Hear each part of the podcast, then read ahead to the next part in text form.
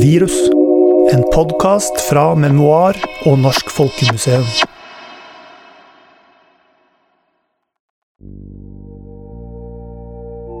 Det har jo hele tiden vært den tanken at blir man smitta selv, liksom? Du tenker jo på det når du, når du jobber så nært det. da. Og så er det noe med å holde i en hånd med gummihanske. Det, er det er ikke det samme. Det kan du si hva du vil om, men det er ikke det.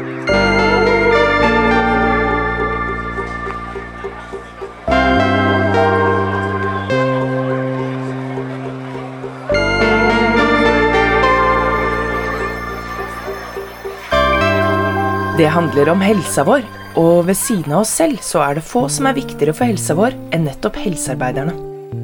I denne episoden har vi derfor flytta oss ut av den lafta hytta for å få plass til sykepleier og temaredaktør Liv Bjørnhaug Johansen rundt bordet. Og veldig snart skal du få høre om hvordan det egentlig har vært for helsearbeiderne dette siste året. Hvordan er det å behandle en helt ny sykdom, være bekymra for om det er nok smittevernutstyr, og så uroe deg for om du i tillegg drar med deg hjem til familien din? Vi har en litt lengre episode enn vanlig foran oss, så vi setter i gang.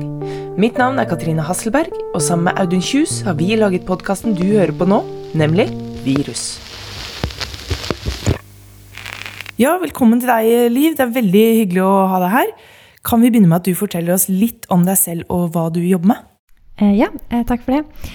Eh, jo, eh, jeg er da sykepleier. Eh, jeg er også temaredaktør i Sykepleien, der vi jobbet med et, en temautgave som skulle dokumentere de første månedene eh, av sykepleiernes koronavår. Eh, det var Koronadagbøkene, kalte vi den. Eh, I tillegg så har jeg skrevet en bok som heter Den lange vakta, som handler om nettopp sykepleiere i koronatiden. Ja, hvordan var det da de første koronapasientene begynte å komme på intensivavdelingene på sykehusene i Norge? Det kom veldig brått på. Vi har jo, tror mange også husket tilbake til SARS-epidemien i begynnelsen, som ble litt sånn illevarslende på nyhetene, og kommer de hit, og så skjedde det aldri noe. Så jeg husker på min avdeling, eh, da jobbet jeg på en eh, kirurgisk sengepost, så beroliget avdelingslederen vår bare en uke før de første pasientene kom, om at eh, alle koronapasienter som kom til Norge, kom til å havne på spesialavdelingen på Ullevål, så disse pasientene kom vi nok ikke til å se i det hele tatt. Og en uke senere så lå de to første pasientene bare to etasjer over, eh, over meg, da. Avdelingen vår. Og allerede, allerede tidlig i mars så var det så var det Allerede 13. mars så lå det fire koronapasienter på intensivavdelingen i Norge. Og da hadde man jo ikke hatt tid til å planlegge så veldig mye. eh, Og vi visste, heller, visste jo også veldig lite om sykdommen.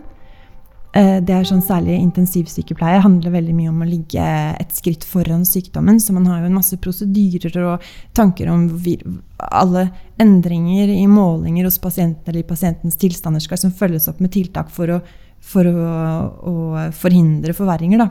Nå visste man jo ikke helt hva man sto overfor, så veldig mye av, av det arbeidet de gjorde på intensivavdelingene, var jo helt sånn de måtte bare prøve seg fram med innstillinger på, eh, på respirator for å se hvor mye lungene tåler, når de egentlig ikke helt vet hva som foregikk der inne. Så det var veldig mye usikkerhet. Pluss at det å få opp disse smitteisolatene er jo enormt eh, logistisk krevende. Eh, sykehusene våre er jo ikke laget for det i det hele tatt. Så mange steder måtte de, plutselig var det snekkere som skulle dele intensivavdelinger i to. og Det var en masse, masse banking og skruing og herjing på sykehusene våre. Også nede i akuttmottaket var det plutselig byggeplass, liksom, mens eh, arbeidet pågikk parallelt. da. Ellers er det jo sånn, i hvert fall på sykehuset mitt, hvis en gardinstang faller ned og jeg melder det til teknisk avdeling, så tar det gjerne to uker før det kommer en mann med en skrutrekker. Men nå snekret de rundt oss mens vi jobba, liksom. Så det var jo en helt, helt annen virkelighet. Det er ikke sånn det ser ut på norske sykehus, da. Så, så jeg tror nok alle tenkte at dette var vi ikke forberedt på. Vi hørte fra Kari Jones i forrige episode, eh, som du snakka med, Audun. Hun ble jo syk, og det var fare for å havne på respirator der. sånn. Hvordan gikk det egentlig med hun? Ja, hun var jo nummer 212 i Norge som ble påvist smittet med korona. Men Kari hun har astma og hun er vant til å ha pusteproblemer, så det tok en stund før hun skjønte hvor dårlig hun var. Men til slutt så ble hun jo testet, da, og da ble hun øyeblikkelig innlagt på sykehus. Ja, og når man blir lagt inn på intensivposten, så blir man jo kobla til alle mulige slags eh, slanger og maskiner. Og Kari kan fortelle om bl.a. én maskin som pep når oksygennivået ble for dårlig. Og den maskinen, den pep hele tiden. Når det peip som verst den ene natta, så kom jo tre-fire leger inn på rommet og står ved siden av senga og sier at nå lurer vi på om vi må legge deg i respirator, for du har så dårlig uh, oksygeninntak. Og det var noe som uh, jeg, jeg, jeg hadde lest om altså For det første har jeg en venninne som har ligget i respirator, og som fortalte om det marerittet som hun har hatt etterpå. Og så hadde jeg lest om noe Altså alle de følgefeilene som kan komme holdt jeg på å si, etter at du har vært i respirator. Altså, av, du blir jo kobla opp, og du blir jo lagt i koma. og Kroppen din blir jo egentlig satt på pause. Uh, og det er klart at det kan skje noe med indre organer og nyrer og alt som er. Så jeg var, jeg var veldig fast bestemt på at jeg ikke skulle i respirator.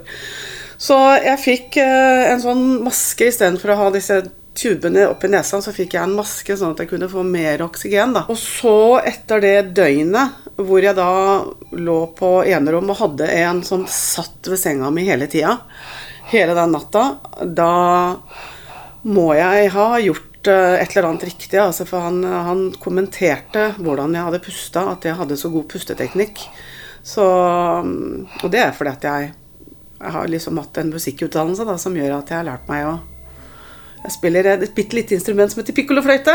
Og det krever et utrolig mye pust, faktisk. Så ja, så da kom det vendepunktet. Men det tok jo litt tid før jeg blei Jeg følte jo at jeg var bedre med en gang jeg hadde kommet på sjukehus og, og, fått hjelp. Så etter ett døgn, så etter når de kom, så tenkte jo jeg, altså de som skulle ha med respirator Da var jo jeg så overraska, for da følte jeg meg mye bedre enn det jeg hadde gjort dagen før. Så, så, jeg tenkte at hvorfor det nå, liksom? Nå har jeg jo kommet på sykehus, og nå har jeg fått hjelp og har fått medisiner, så nå er det jo bra. Men uh, tydeligvis ikke helt bra. Nei, han sa, han, den ene legen sa at du skjønner nok ikke sjøl hvor sjuk du er. Og så ble det langsomt bedre. Jeg hadde jo den oksygenen, den hadde jeg jo på hele tida. På do overalt så måtte jeg ha med meg den. Så jeg måtte skifte fra en som var knytta til senga til en som var bærbar når jeg skulle på do. Da måtte jeg liksom ta på meg, ta på meg ny maske og, og, greier. Så den, den var med hele tida, altså. Liv, er det vanlig, det hun Kari beskriver her, sånn det at man ikke helt skjønner hvor sjuk man er? Eh, ja, det har jeg hørt flere koronapasienter si. Eh, og det er også Eh, koronapasienter kan ofte få det man kaller stillehypoksi. Altså betyr at man har for lite oksygen, men man får ikke den kvelingsfornemmelsen som vi ofte ser ved andre typer pustebesvær. Da.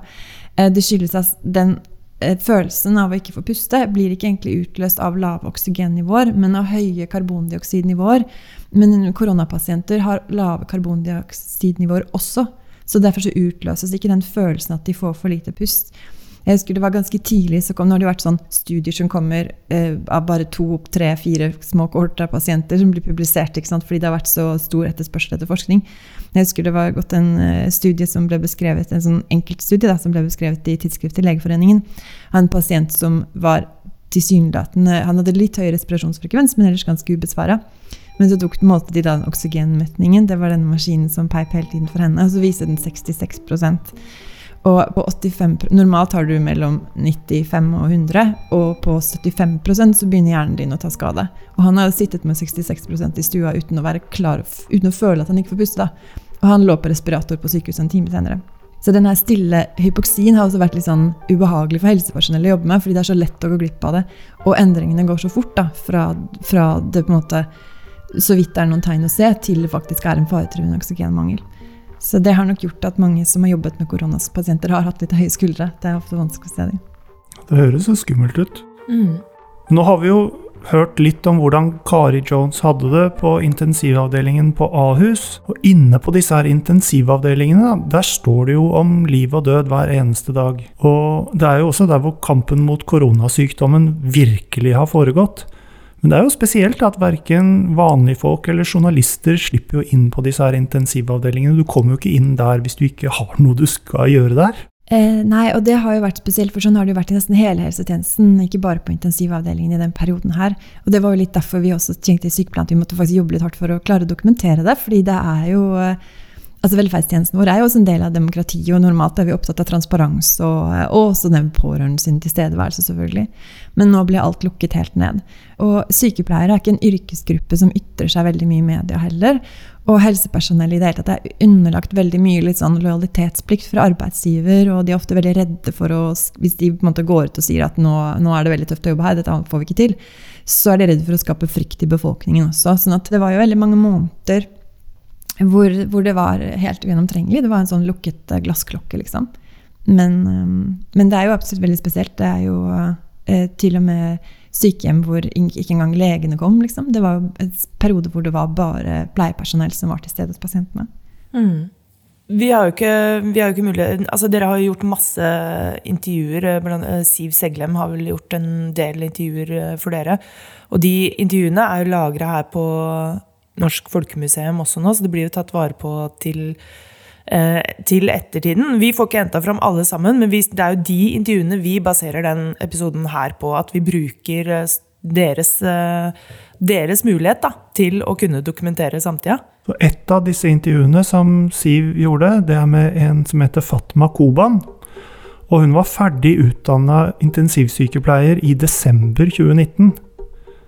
Og da ble hun jo ganske direkte kastet inn i denne kampen mot koronaviruset. Og da Fatma snakket med Siv Seglem, så beskrev hun bl.a. en eh, typisk nattevakt i, på koronaintensiven. og Den skal vi høre litt på nå. Vaktene begynner jo med altså Isolatene har en inngangssluse og en utgangssluse som blir bemannet av minst én eller to sykepleiere. Som er godt trent i å kle seg av og på, sterilt ofte av operasjonssykepleierne kanskje, og har hatt workshops før de blir satt inn der. Og når du går inn, så må du kle deg på, de må sjekke deg og se at ingenting er åpent, og at masken sitter tett. Og, og så kan du velge, vi kunne velge mellom to forskjellige masker. Eh, men den ene masken var jo med strikk både opp oppe og nede, og du må jo dra de ganske tett. Og du er jo litt sånn paranoia, sant? Du, når du skal inn, at du må føle at den virkelig sitter tett. Og så har den jo et ganske stort filter foran, og den drar jo kanskje litt ned. sant? Så nesen er jo ganske utsatt, hodet bak hodet er jo ganske utsatt, skinnene er jo ganske utsatt. Så da må du tape deg godt og beskytte deg og gå inn. Og så begynner vakten jo rundt klokken ti, men alt dette kle på og av tar jo ganske lang tid, så du må jo være der i god tid. Gå inn og få rapport skrike gjennom den masken. Og hun må jo skrike tilbake, hun som gir deg rapport, fordi du klarer ikke å høre noe, nesten. Det er så tett. Alt er jo så tett. Og du kan jo ikke gå ut som du kan på andre pasientgrupper, så du må jo alltid være der. Så da får du jo rapport i kanskje 15 minutter, en halv time ofte. Eh, fra kveldsvaktene. Og så må du jo starte med å sjekke gjennom pasienten, og vi har sånn sjekkliste som man må følge. Eh, sjekker gjennom om alt utstyr sitter riktig, om medisinen sitter riktig. Dobbeltsjekker det med kveldsvakten, om det er det riktige pasienten. Og så må du sjekke alt utstyr som pasienten sitter med. Hvis de ligger på respirator, må respiratorinnstillingene sjekkes. Alt beredskapsutstyr må sjekkes. Så det er alt sånn tekniske ting først som tar litt tid. Og så må du sitte og lese deg opp på alt som har skjedd på dagen, på kvelden, alt legejournalene, om det skjedd noen endringer med medisinene, hvilke medisiner pasienten skal ha neste gang. Og så var det jo noen av de som fikk ganske mye antibiotika, og de måtte jo blandes. Og, og så er det den som er løs på stuen, kommer jo ikke inn før om en time, kanskje, fordi alle må jo rekke å skifte. Og så i slusene kan du maks være to-tre personer. Så det er veldig sånn systematisk at du måtte du visste liksom at du kom inn i en rutine med å bare følge den, fordi du har så lite tid, du har så lite hjelp, egentlig. Um, og så ligger du der en plan for hva du må gjøre, og vanligvis blir man jo ganske sliten på nattevakta og kan kanskje, kanskje lukke øynene litt hvis noen avløser deg i pausen og sånn, men der er du jo våken i ti timer, og du får kanskje ikke gått ut og drikke kaffe, du får ikke drukket noe, du får ikke gå på do. Da må du jo kle deg av og bruke tid på å kle deg på igjen. Sant? Og så har du en times pause på ti timer, og da må du rekke å gå ut og kle deg av. Komme inn og kle deg på på vei inn. Du må rekke å gå på do, du må rekke å spise. Altså Alt det må du rekke å gjøre på en time. Og det er nesten ingen tid. sant? Så alt er liksom hele tiden handler om å planlegge de ti timene veldig nøye. Dette er nytt uh, for meg i hvert fall, Liv, men det å planlegge hele dagen veldig nøye, og ikke minst det å skrike gjennom masker, kan du kjenne deg igjen i dette? Eh, ja, jeg har jobbet på sengepost, da, og de koronapasientene, eller de som har vært isolert da, der, det er folk som gjerne har kommet inn med liksom uavklart koronastatus, for de har tatt en test nede i mottak, så kommer de opp på sengeposten og skal smitteisoleres fram til prøvesvar foreligger. da. Eh, og da er vi jo ikke inne på rommet hele tiden, men jeg kjenner veldig godt igjen Og vi har ikke så omfattende smittevernutstyr heller. Vi bruker vanlig munnbind på de rommene, da, ikke disse maskene som hun beskriver. Men jeg kjenner veldig godt igjen i den logistikken. hvordan også den perioden hvor det var veldig mangel på smittevernutstyr, så føler du også veldig sånn ansvar for å ikke sløse.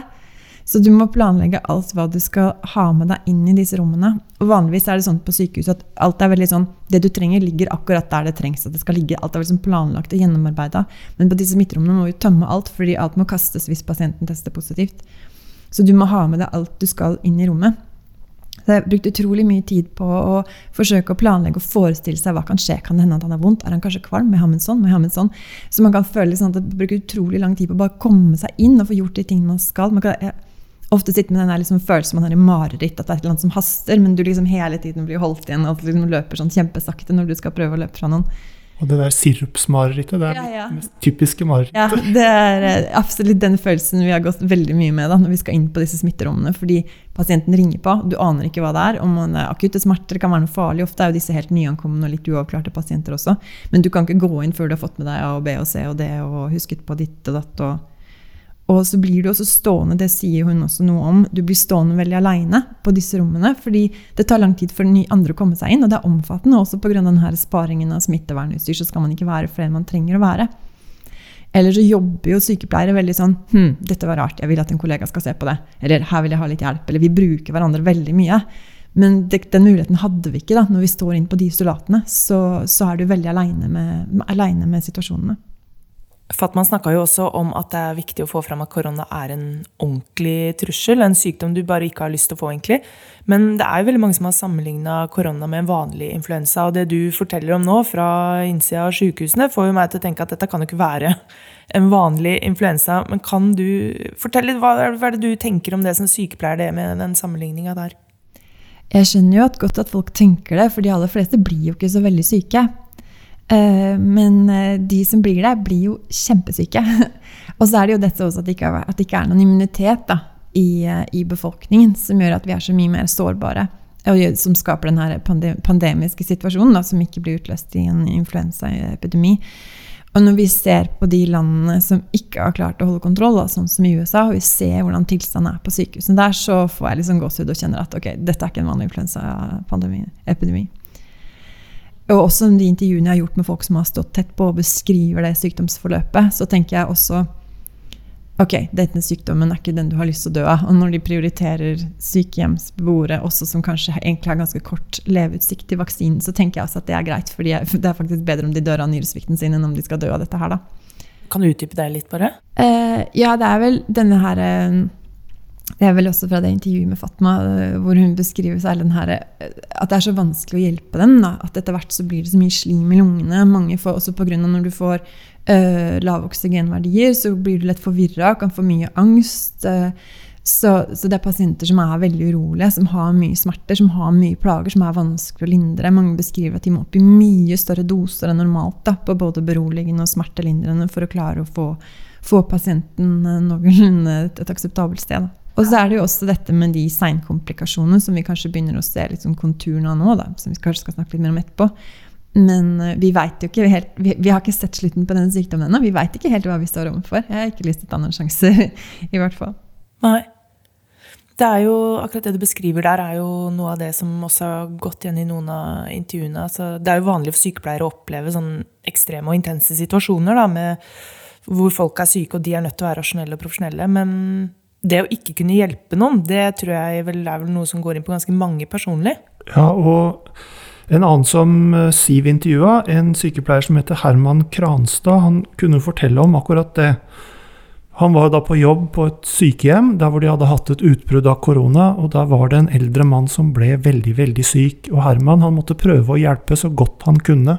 Jeg han har allerede en, en, en uh, subkutan kanyle liggende inne. Så jeg gir ham morfinen jeg har med en gang, og så løper jeg og henter ham Midazolam. Uh, uh, som det er muskelavslappende og angstdempende. og så går jeg og henter det, og så gir han en dose. Og så får ikke det noe effekt. Så jeg bare fortsetter, henter morfin og midazolam, og så bare fortsetter og fortsetter og fortsetter. Og fortsetter. Og han får Jeg husker jo ikke tallene akkurat nå, men han får, han får ekstremt mye da på to-tre timer. Og vi må kontakte pårørende, og han, han puster dårligere og dårligere. Men av en eller annen grunn så er det den gamle mannen, nesten 100 år gammel, bokser i lufta og, og slåss rundt seg. Og han kjempeanstrengt og kjempe, kjempesmertepreget. Uh, og bare, Det virka som uansett da, hvor mye medisiner jeg bare pumpa inn i han, da, så nekta han å, å, å, å, slutte å ha vondt og slutte å, være, være angstpreget. Men det er klart at etter, etter, hvert, etter hvert så klarte jeg å, å få bare pumpa i så mange medisiner at han fikk roet ned. Og da var han fin og rolig over lang tid. Han trengte selvfølgelig medisiner etterpå. Men, men bare bare se den det slimet samtidig som han drev og boksa i lufta. og Trolig mye angsten. At det, det, er alltid tungt å se. Og, ja. Hvordan eh, eh, Når du opplever Eller når du opplevde, opplevde det, mm. Eh, hvordan takler du det? Det er jo viktig at vi som helsepersonell at det er viktig at vi har at vi holder oss streite i maska. da. Fordi sånn som i det tilfellet så er det jo pårørende til stede. Og du merker det her med at, at, at det at jeg blir eh, emosjonelt komp kompromittert i den situasjonen, at jeg blir påvirket i den situasjonen, det hjelper jo, det hjelper jo ingen. Så du skaper en sånn, sånn, sånn skille, skillevegg mellom ok, dette her, er, dette her er meg, og så er det profesjonelle meg. Men så når du er inne på rommet, så klarer du Så, så, så, så prøver jeg Når jeg er inne på rommet, så klarer jeg å skape så holde den skilleveggen totalt tett. Da, jeg, da, da, er det ikke så farlig hva som foregår i den settingen, men, men, men bare reagere på det som foregår, prøver å iverksette de beste tiltakene vi kan. Men så er det så fort du er ferdig, så fort du sitter der etterpå Jeg husker jeg satte meg ned i den uh, i, i, en stol utenfor rommet når han end, endelig hadde klart å finne roen setter jeg meg ned i en stol utenfor, og så sier en av kollegaene mine at ja, vi får gå og skrive, signere for alle, for, alle, uh, for, for den siste medisinen vi, vi, tok ut. da, Du har gitt den, og jeg vet akkurat nå så må jeg bare, må jeg bare sitte stille. Fordi Ja. Det er sånn etterpå vi har tid til å behandle, til å behandle de hendelsene. For oss som ikke jobber med mennesker på den måten som det dere gjør, så høres jo dette veldig tungt ut.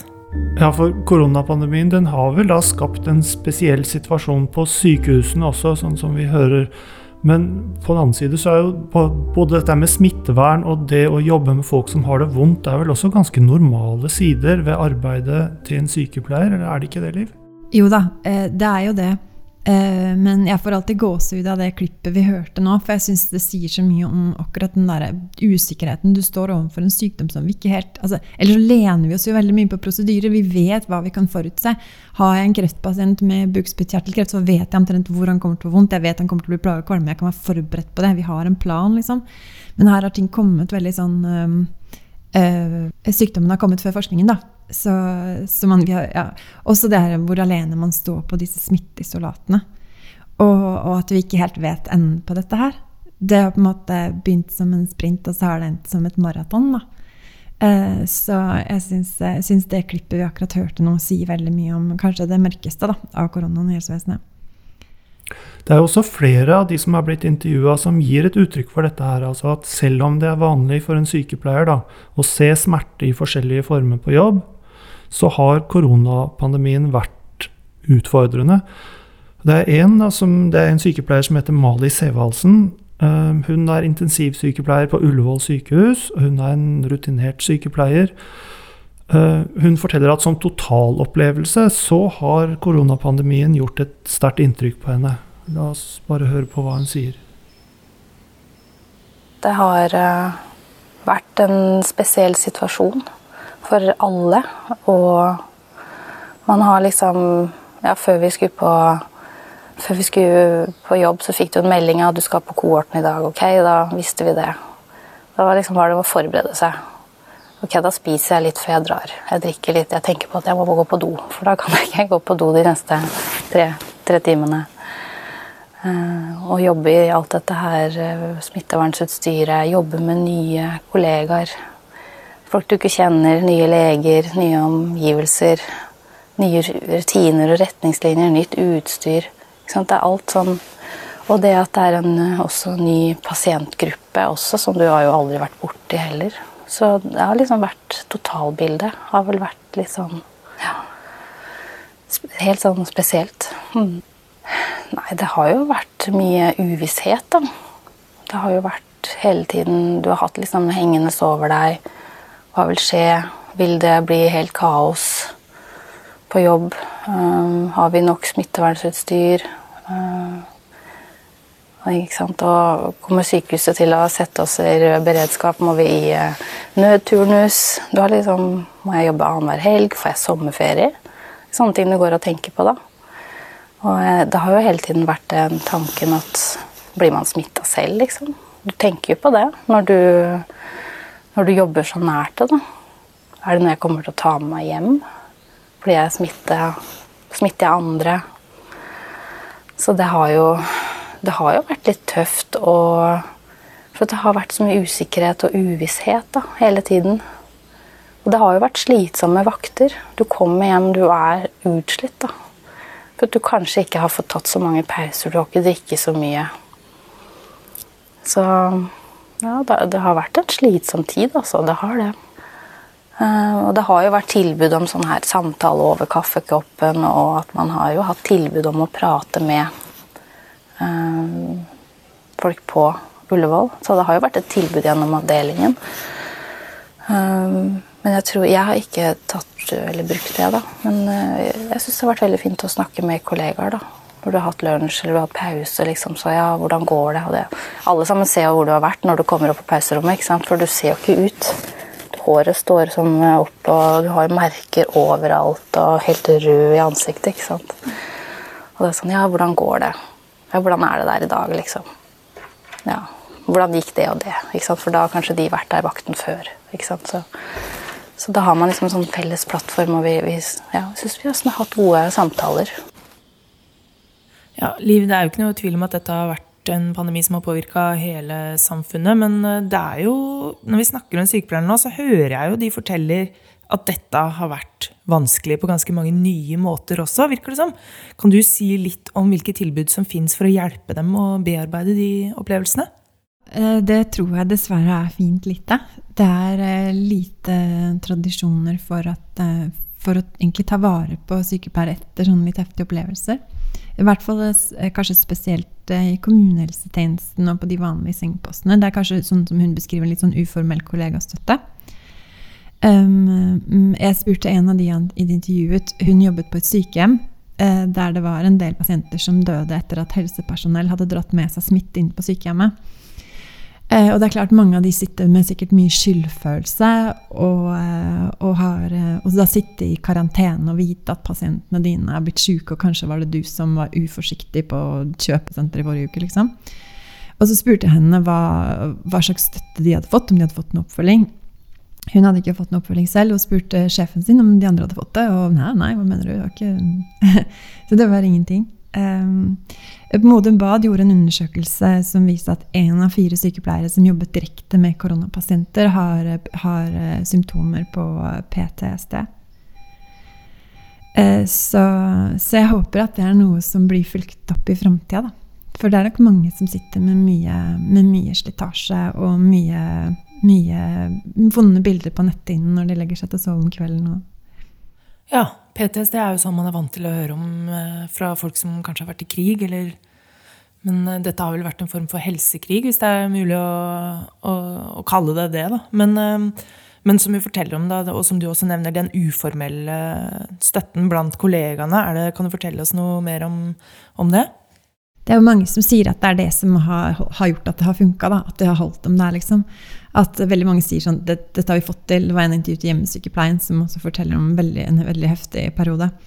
Og så sier hun at uh, dette har vi klart fordi vi har så godt samhold. Det er ikke takket være noen av lederne våre, men fordi vi passer på hverandre. Uh, og jeg tror også det å kunne dele det skjebnefellesskapet og faktisk kunne le av ting som ikke er når det faktisk ikke er noe å le av, er en styrke for mange sykepleieavdelinger. Så, så, jeg tror nok det uformelle kollegiet betyr mye. Men også det på en måte De som har blitt flyttet om på, da. Det har blitt opprettet nye sånne kohortavdelinger og tatt noen pleiere herfra og derfra. De har jo ikke det faste miljøet sitt, og de kjenner jo ikke de de jobber sammen med på de store sykehusene. kan det godt hende at de aldri har sett de menneskene de jobber med før. Og de har ikke så mye møteplasser utenom smittevernutstyret heller. Så jeg tror nok mange også har følt seg litt sånn eh, tatt ut av miljøet sitt, da. Og, og vært sittet litt aleine. Dette har jo vært en global pandemi. Det ligger jo også da i ordet, da, med pandemi. Eh, men i det neste kuttet så skal vi høre om dette her samholdet og støtten mellom sykepleierne, og at den faktisk ikke stopper ved landegrensene heller. Da skal vi høre fra en som heter Per Fredrik Gustavsen. Gustavsen. Og han var med i den norske kontingenten med helsepersonell som ble sendt til Italia for å bistå det italienske helsevesenet Eh, og han kan fortelle om situasjonen som møtte dem der. I Norge hadde vi tre uker. Vi fikk forberedt oss, vi fikk tenkt igjennom, vi fikk lagt prosedyrer og retningslinjer og, og, på en måte tenkt litt igjennom hvordan vi skal gjøre dette her. I Italia så gikk det altså rett i taket over natta. Det var det de opplevde. De, altså det gikk ikke dager engang. Og de skjønte ikke hva det var før det var for sent. Det gikk, de fikk en del pasienter med samme symptomene, og så gikk det kanskje noen dager før de forstod ok, dette her er jo faktisk covid-19-sykdom. Oi, nå må vi tenke smitte, men da er det for seint. Mm. Så, så, så, de men det er klart at til tross for det da, så fikk de organisert seg, de fikk starta behandling, de fikk gjort det beste ut av det. Og i tillegg så har de jo delt masse kunnskap og erfaring rundt dette covid-19-sykdommen med resten av verden. Mm. Litt sånn at når vi kom, så, så sjøl om de hadde et overbelegg med tre ganger så mange pasienter intensivpasienter som de egentlig hadde plass til. For de hadde jo da tatt i bruk både operasjonsstuene sine med narkoseapparatene som respiratorer, og de hadde en hjerteovervåkning som også var tatt i bruk som intensivplass med intensivsenger. Eh, og jeg var da på hovedintensiven, den, den som ordinært er intensiv, eh, sammen med en annen. Eh, så sjøl om det da som sagt var tre ganger så mange pasienter, og godt og vel det, som det skulle være, det var egentlig fire ganger så mange, så var de godt organisert. De hadde hodet over vannet. De hadde på en måte fått ting på plass. Mm. Så, så sjøl om det på en måte på papiret var overveldende, så fremsto det ikke så overveldende. hvis du forstår hva jeg mener. Sånn, vi kjente nok ikke så på det, men, men, litt som han fortalte at hadde dere på en måte kommet for tre uker siden, så hadde dere opplevd at, at det var pasienter i alle senger. Dere hadde opplevd at vi ikke hadde nok respiratorer. Dere hadde opplevd at vi ikke hadde nok C-papper. Dere hadde opplevd at, at folk på en måte lå på gulvet og satt på stoler og døde mellom hendene våre fordi vi ikke hadde utstyr nok. Og det er klart at det eh, Bare tanken på det gjør at jeg på en måte kjenner at det hadde, vært, det hadde føltes ugreit. For det er jo noe av det verste, tror jeg kanskje, for oss helsepersonell, det å føle oss utilstrekkelige. For vi vil jo gjerne være nok. Vi vil jo gjerne være den som på en måte hjelper de pasientene gjennom dette her. ikke sant? Så den utilstrekkeligheten der, den tror jeg er brutal å kjenne på. Det vi gjorde, var at vi gikk ned, vi jobbet sammen med de skulder ved skulder. Eh, og selvfølgelig, de var takknemlige for et sett med ekstra hender på de forskjellige avdelingene. Eh, for det trengte de. Eh, men samtidig så tror jeg på en måte også den symboleffekten, at vi faktisk så de og kom ned og sto skulder ved skulder. Og det sa de når vi dro også. Dette betydde veldig mye for oss. Mm. Ja. Så det var, en, det var en tosidig greie, definitivt. Både praktisk og, og, og solidarisk. Mm. Uh, ja, Per Fredrik var jo da med i et norsk utrykningsteam som kalles Emergency Medical Team, eller NOR-EMT. Det er uh, organisert av Verdens helseorganisasjon. Uh, og de som er med der, er en del av en beredskapsordning som Norge sender ut i verden når det er behov. Ja, og i mars 2020 så dro de altså til Italia. Og noe av det som gjorde sterkt inntrykk på Per Fredrik da han var i Italia, det var hvordan disse koronapasientene ofte var så ensomme. De havner på sykehus, de aner ikke hvordan det går. De vet at sjansen for å dø definitivt er til stede. Og de er alene. De har ingen pårørende, de har ikke noe hånd å holde i. Ikke sant? Eh, ja, helsepersonellet er der, men de har jo i hvert fall ikke hatt så mye tid til å holde i hånda. Og så er det noe med å holde i en hånd med gummihanske. Det, det er ikke det samme. Det kan du si hva du vil om, men det er ikke det. Eh, verken for den som på en måte holder i hånda, eller den som blir holdt i hånda. Det tror jeg. Mm, så det, det var mye sånn ensomhet? Det opplevdes i hvert fall sånn fra oss som hjelp, på hjelpesida. Eh, jeg kan jo ikke snakke for pasientene, men jeg vil jo tro det. Mm. Og jeg vil jo tro at det er litt av den sårheten som de andre oss fortalte fra, for det var noen som var på sengepost og på en måte hadde våkne pasienter. Og det er jo den tilbakemeldingen jeg har hørt fra mine kollegaer. at eh, pasientene, Mange var jo blide og fornøyde og på en måte var kjempetakknemlige for hjelpa de fikk. og var, ikke sant? Men, men, de som på en måte kjente litt på den sårheten og sånn, jeg vil jo tro at det var en kombinasjon av redsel og frykt for hva som var i vente, og hvordan dette kom til å gå, samtidig som det selvfølgelig var en sorg for eh, å ikke kunne være sammen med familien, og ikke vite om du fikk se familien din igjen. Mm. Ja. Men nå gjetter jeg på en måte litt, men, men, Ja, men, sånn, men sett, sett fra mitt ståsted som menneske, så vil jeg nok antagelig kjenne Jeg kan kjenne meg igjen da, i, den, i de følelsene. ikke sant? Mm. Ja. Ja, det er ikke vanskelig å se for seg det. Altså, sånn, hvis du ikke vet om du overlever, ikke kan møte folk. ikke sant? Det er ganske eksistensielt heftig. Ja, det er det, altså. Det er det. Eksistensielt heftig liv, det er ikke bare vi med hjemmekontor som ikke kan være med venner og familie som kjenner på, den, på ensomhet for tida. Tenker når jeg hører det her at de som er innlagt, må jo kjenne på den ensomheten på et helt annet eh, nivå. De kan jo ikke ha besøk av noen de kjenner. Kan du si noe om hvordan det påvirker behandlinga, det å ha pårørende til stede eller ikke, da? Det har jeg tenkt mye på. Tidligere en gang så jobbet jeg på en sånn eh, lindrende enhet for døende, da, hvor de var liksom de aller sykeste levde de siste månedene av livet sitt. Og der så vi ofte pasienter som kanskje nesten ikke hadde sagt noen ting på to dager, og bare sov og slumra. Så kommer det besøk av en eller annen niese de ikke har sett på et år, og så plutselig sitter de oppe i senga og spiser eh, rullekake og drikker kaffe. Og den betydningen det å se folk du er glad i, for å motivere deg til å faktisk orke å leve når du er sjuk. Fordi det er noe med det. At det faktisk har en ganske sånn stor klinisk betydning også for om du overlever eller ikke. At du faktisk er motivert til å gidde å prøve å sette orke og prøve å, å trosse smerter og ubehag for å gjøre de tingene som gjør at du holder deg i live. Det har jeg tenkt mye på. At, um, at det har vært veldig vanskelig også å sette på vakter på sykehuset.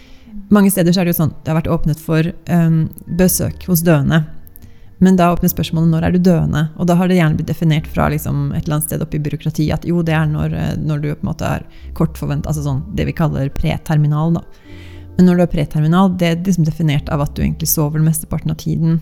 har Sluttet å spise. Og da er jo på en måte toget gått for de gode samtalene og det samværet som vi ser er veldig verdifullt. da, eh, slutten av livet. Så det er nok mange sykepleiere som har kjent mye på det er sykepleieretikken i det her, da. Å holde eh, familien vekk. At eh, De pårørende slipper ikke til før det er for seint, på en måte. Nei, ikke sant. Og så er det jo det at mange er jo, mange er jo redde når de kommer på sykehus. Redde folk klarer ikke å ta imot informasjon på en ordentlig måte. De husker bare bruddstykker og ofte sånn veldig svart-hvitt. da. Og det er jo ofte pårørende sier ja, men det var ikke det hun egentlig sa. og At de er på en måte der og går gjennom om igjen og er med å bearbeide informasjonen. da. Jeg har hørt eksempler på folk som eksempel har kommet gravide som har kommet på en ultralydkontroll og viser at det ene, at, at, med tvillinger da, og det ene fosteret ikke lever lenger. Og sittet aleine, ikke sant. Og da er ikke partneren din der. Altså Det er sånne ting som, som, er, som er veldig vondt å se at folk må gå gjennom, da, som gjør at mange sykepleiere ofte, og, og dette kan jo også være i områder med veldig lav smitte, fordi reglene for helsevesenet har egentlig stort sett vært de samme overalt i lange perioder. Så, så det der med å stenge ut pårørende tror jeg mange helsepersonell har kjent veldig mye på. At det er, at det er veldig tungt og vondt å stå i. At det har en høy kostnad. Det har det. Nå begynner vi å nærme oss slutten på denne podkastepisoden, faktisk. Men først så skal vi vende tilbake igjen til Kari Jones, som vi hørte om helt på begynnelsen. For henne forlot vi på intensivavdelingen på Ahus. Og da var hun i ferd med å puste seg ut av sin egen personlige koronakrise. Og etter vendepunktet så kan Kari fortelle om at hun gradvis ble bedre. Det var jo oksygenet, det var jo liksom oksygeninntaket som gjorde at jeg, jeg ble liggende der i elleve dager. Og det var jo fordi at det hele tida så gikk den oksygenmåleren ned under 93, tror jeg det var. Og da måtte jeg fremdeles ha oksygen, så det var liksom, på slutten så var det oksygenene som gjorde at jeg ble værende inne da, på sykehuset. Uh, og så Jeg følte jo sjøl at jeg var De siste to dagene følte jeg meg i ganske fin form. Men jeg skjønte jo at jeg, jeg kunne jo ikke mase på, på å komme hjem. Uh, for det er jo ikke noe Altså, jeg ville jo ikke tilbake dit jeg var. Så så når oksygenet var oppe på en 98, tror jeg det var, så fikk jeg være uten i noen timer for å se hvordan det gikk, da. Og det gikk jo da forholdsvis bra, da. Så det, så det var liksom en heis ned til en underetasje, og så var det ut gjennom det som virka som en ja, nesten som en garasje. Og bak der så, så sto mannen og venta. Da hadde jeg jo maske, og jeg hadde hansker, og jeg hadde blåsokker og full tildekning. Så jeg fikk jo beskjed om at du kan fremdeles eh, ha smitten i deg. Eh, og ble sendt rett i isolasjon, da. Så vi var jo i isolasjon i, i ti dager, tror jeg det var. Hvis det ikke var mer. Jeg tror jeg var ute første gang rundt 1. mai. Uh, og følte meg Altså, jeg følte meg mye bedre enn det jeg gjorde når jeg ble lagt inn. Så alt er relativt. Men øh, første gang jeg var ute, altså når jeg begynte å føle meg øh, frisk nok og Altså, vi fikk jo beskjed om det at så lenge du hoster, så kan du ikke gå ut blant folk. Men jeg har jo astma, så jeg hoster jo hver eneste morgen. Så hoster jeg uansett. Så det Den var litt vanskelig? Ja, den var litt vanskelig. Så jeg måtte jo til slutt altså, ringe til legen og si For koronatelefonen sa hvis du hoster, så må du holde deg hjemme. Så jeg, så jeg sa da at da, altså, hva gjør jeg da, da? For nå Altså, jeg hoster alltid. Det, det, skjer ikke en dag at ikke jeg hoster når jeg står opp om morgenen. Og da ringte de til kommunelegen, og da sa kommunelegen at hvis du har vært øh, Hvis det er mer enn 30 dager siden du blei smitta, så kan, regnes du som koronafri. Og det var jo gått 36 dager eller noe sånt nå da, etter at jeg ble smitta, hvor jeg første gang kunne gå ut. Og det var jo da jeg oppdaga hvor dårlig form jeg var i. For da var det Jeg klarte vel å gå 500 meter, tror jeg, første dagen. Og det var litt av et sjokk, altså. For jeg tenkte jo at det, Å, er du så Jeg hadde den trappa vi kom opp her nå, den hadde ikke jeg klart å gå opp. Jeg hadde ikke klart å gå opp én trapp engang, tror jeg. Så, så, det har jo Og veldig kortpusta. Da var det sånn igjen at jeg sleit veldig med å puste når jeg var ute og gikk. Så jeg begynte jo med å gå ja, 200-300 meter, og så snu og så hjem igjen. Og så litt lenger. Så litt lenger. Ja, da hørte vi jo altså at etter elleve dager så slapp Kari ut av sykehuset, men det tok tid før hun kunne gå noe særlig rundt. Og Kari hun måtte trene seg opp gradvis. Men jeg har snakket med Kari igjen seinere, og jeg vet at Kari hun har fortsatt med å trene. hun. Og hun sier det at eh, pga. at hun nå har trent så mye, så er hun i bedre form nå i dag enn før hun fikk korona. Det er jo helt fantastisk for uh, Kari, kan man si. Men, men, det hun beskriver her, sånn, er jo også noe om hva det viruset gjør med lungene dine. Og selv om Kari er i bedre form nå, kan du si noe om hva vi vet om ettervirkningene sånn egentlig? Det er jo sånn som begynner å folde seg ut nå, da. Uh, og vi ser jo at også folk som egentlig ikke var veldig syke, uh, og også folk som i utgangspunktet hadde ganske bra helse og ikke høy alder, også kan sitte igjen med mye senvirkninger senere, som økt trettbarhet, tungpust, mange hjertebank eller brystsmerter. Eh, også konsentrasjonsvansker er, er, noe flere har nevnt. Da. Og det er litt sånn tungt for mange å stå i, fordi man tenker at hun har sykdommen lagt bak deg, men så henger den på en måte i. Pluss at vi veit jo ikke helt hvordan dette kommer til å gå. Blir du bra igjen? Ingen veit. Det er ingen andre som har ingen som har hatt korona lenger enn et år. Eh, flere av de jeg intervjuet, to stykker jeg intervjuet som ble syke i eh, mars og april. Og jeg spurte de nå, rett før boka gikk i trykk, hvordan det sto til med dem. Og hun ene hadde fortsatt ikke smakssansen fått tilbake. Ellers så var hun ganske grei. Etter ett år? Etter, etter, nesten et år, ja. Eh, og hun andre hun hadde fortsatt at hun sleit med hodepine og, og sånn konsentrasjonsvansker. Og kunne kjenne på at hun veldig raskt ble sliten. da. Og det var folk som var i 30-åra, som var i god form i utgangspunktet. Mm. Det, det, er jo noe med de sosiale ettervirkningene også som vi begynner å snakke mer og mer om i, i samfunnet. Vi har jo ikke helt oversikt over det. Det er jo snakk om kanskje en ny stor ensomhetspandemi òg etter uh, korona. Så den veien tilbake til et normalt samfunn blir uh, jeg vet ikke, den blir kanskje ikke helt sånn som vi ser for oss. Ja, det er jo veldig spennende fortsatt, for vi er jo midt oppi dette enda. Og hvordan blir veien vår ut av koronapandemien? Dette har vi jo lurt på i flere omganger, og vi lurer jo fortsatt på det. Og kommer vi liksom Kommer vi styrka ut av det, sånn som Kari da sier at hun, hun har kommet? Eller, eller altså hvordan kommer samfunnet til å bli? Hvordan kommer det norske helsevesenet til å bli? Hva er veien vår ut av pandemien? Har du gjort deg noen tanker om dette, Liv? Ja, um, vi har jo litt sånn følelse av at um, det ligger mye ugjort å vente på oss. da. Det er veldig veldig mange som ikke har gått til legen på et år fordi de har vært redd for smitte. Det er veldig mange operasjoner og sånne ting som har blitt flytta på. Så vi i helsevesenet og, og, alle disse pengene som er blitt til ombygging og vaksinering og, um, og testing, lurer jo litt på hvor kom fra. Er det noe vi skal spare inn i helsevesenet etterpå? Det er en del sånne uavklarte spørsmål som gjør at kanskje mange ser ser med litt uro da, på framtida, også når vi er tilbake i normal drift. Men eh, sånn Se det større perspektivet, da, så er det jo kanskje blitt en vekker for oss at uh, vi er ikke usårbare. Uforutsette ting kan skje når som helst. Det er jo mange andre sånne varsla katastrofer som f.eks. antibiotikaresistens, som jeg håper at kanskje man kan ta litt mer tak i når man ser at vi ikke er så sårbare, og at vi ikke kan drive et helsevesen helt uten noen beredskapskapasitet. da. Eh, det har blitt veldig tydelig eh, Sykepleierne har blitt veldig tydelig at rollen vår er sentral. Og jeg tror også den sykepleiermangelen har kommet litt høyere på agendaen. da, Og særlig nå det siste, når grensene har stengt ned, og man ser at eh, det er på en måte bemanningskriser som utløses bare av det at vi ikke har tilgang på de svenske og danske vikarene som vi faktisk er helt avhengig av for å drive ikke bare intensivavdelingene, men også sykehjemmene våre. Så vi sykepleiere håper jo litt på at, eh, at eh, den, den, situasjonen da, kommer til å bli tatt mer på alvor fremover. At, uh... Men Liv, helt på, på, tampen nå, og mens vi er så heldige at vi, vi har deg her, så vil jeg gjerne få stilt deg et spørsmål som jeg vet at mange lurer på. Altså fordi intervjuene vi hørte nå, de ble jo da faktisk spilt inn i mai og juni i 2020. Eh, og da hørte vi om hvordan eh, noen sykepleiere da, hadde det da.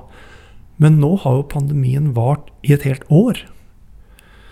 Og vet dere noe om hvordan det står til med de norske sykepleierne nå? Mange er jo veldig slitne. Eh, og jeg tror nok også mange sitter igjen med en sånn følelse at vi har fått veldig lite igjen for det. Det fins f.eks. ikke noe risikotillegg for sykepleiere som har Mens alle andre har liksom kapslet inne på hjemmekontorene sine og kunne holde seg trygge og, og, ta vare på seg selv, så har sykepleierne hele tiden måttet gå ut i det og stå i det. Og det er jo alltid en risiko. Vi ser jo også mye høyere andel smitte blant helsepersonell enn blant resten av befolkningen. Og eh, det var jo et lønnsoppgjør nå i år som ikke ga oss noe særlig ekstra. Så jeg tror veldig mange er skuffa over det, og jeg hørte veldig ofte i intervjuene mine at folk sa 'vi sitter igjen med ingenting'.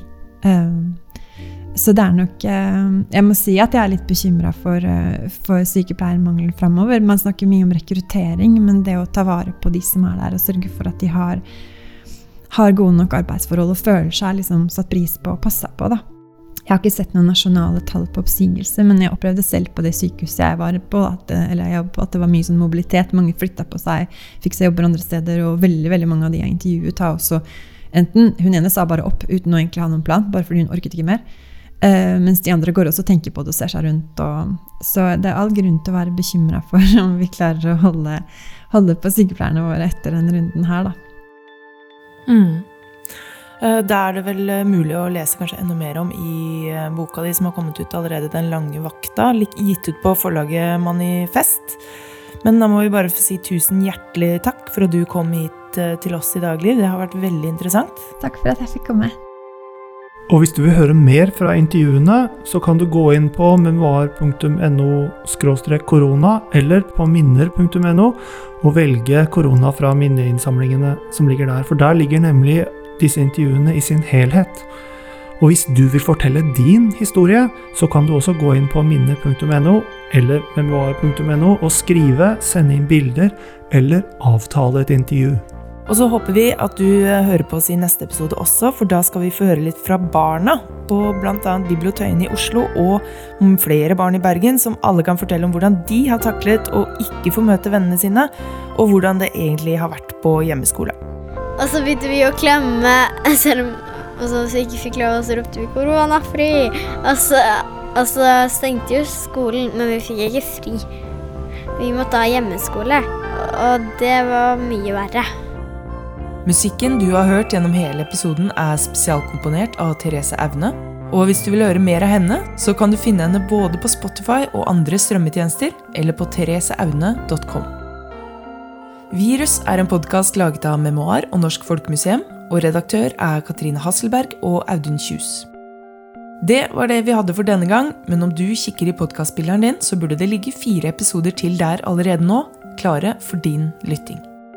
Og hvis du liker det du hører, som ikke hadde vært mulig å produsere uten støtte fra Sparebankstiftelsen, DNB og Fritt Ord, så gå gjerne inn og gi oss en rating i podkastspilleren din. Jeg heter Katrine Hasselberg. Min medprogramleder er Audun Kjus, og vi høres i neste episode.